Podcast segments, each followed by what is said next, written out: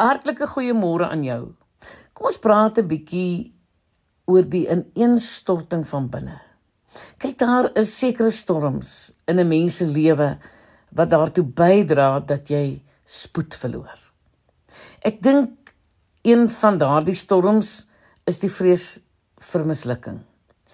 Nou ons het baie maniere waarop ons daarmee omgaan. Party mense besluit as jy in die eerste plek nie slaag nie, vernietig alle bewyse dat jy enigstens probeer het.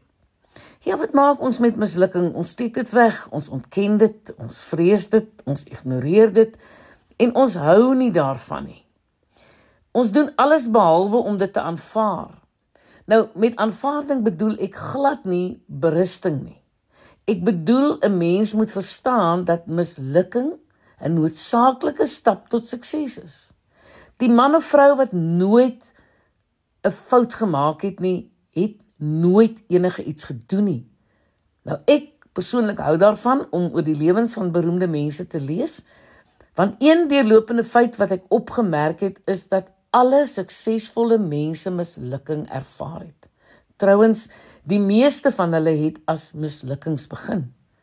Nou, toe die beroemde Poolse pianis Paderewski besluit het om die klavier te bestudeer, het sy musiekonderwyser vir hom gesê sy hande is hopeloos te klein om die klawerbord te bemeester.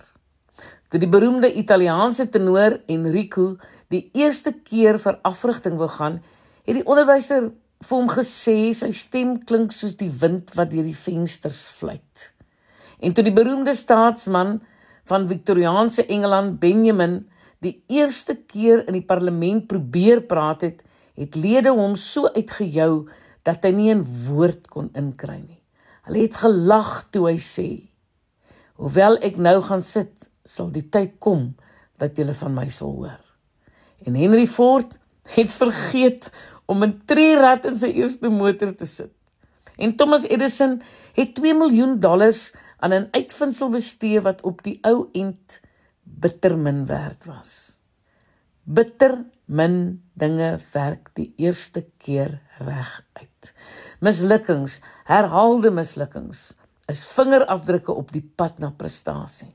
Abraham Lincoln se lewe kon wys dat die enigste keer wanneer 'n mens nie misluk nie, die laaste keer is dat jy iets probeer en dit werk. Ons kan vorentoe faal op die pad van sukses. Abraham Lincoln se biografie van mislukking lyk as volg: Hy het moeilike kinderjare gehad. Hy het minder as 1 jaar se formele skoolopleiding gehad. Hy het misluk in die sake wêreld in 1831.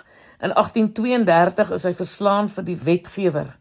Hy misluk weer in die sake wêreld in 1833. Hy's verkies tot wetgewer in 1834. En in 1835 sterf sy verloofde.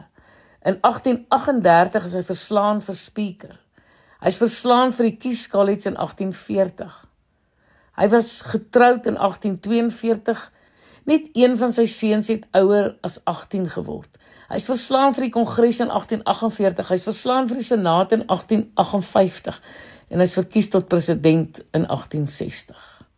Om mislukking in die positiewe sin te aanvaar raak effektief wanneer jy glo dat die reg om te misluk net so belangrik is soos die reg om suksesvol te wees.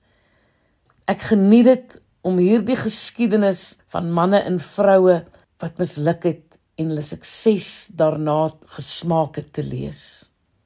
So was dit ook in die woord. Daar was soveel mense wat 'n harde pad gestap het. Daniël, Paulus, Petrus. Die pad na sukses is nie 'n maklike pad nie.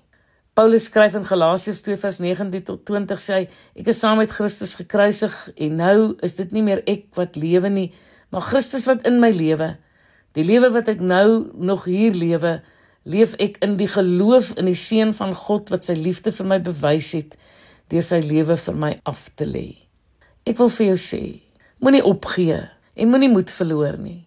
Hou vas aan Christus. Hou vas aan jou geloof. Hou vas aan die hoop wat jy in Christus het Moenie laat die duiwel jou probeer slaan, steel en jou soos 'n mislukking laat voel nie. In Christus, deur Christus is ons meer as oorwinnaars. Ek is Lenet Beer vir Radio Kansel.